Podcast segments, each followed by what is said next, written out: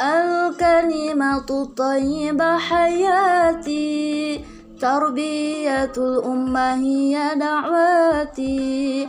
الخدمة فهي توسلي السمع والطاعة منهج نظامي المؤمنون هم إخواني. ها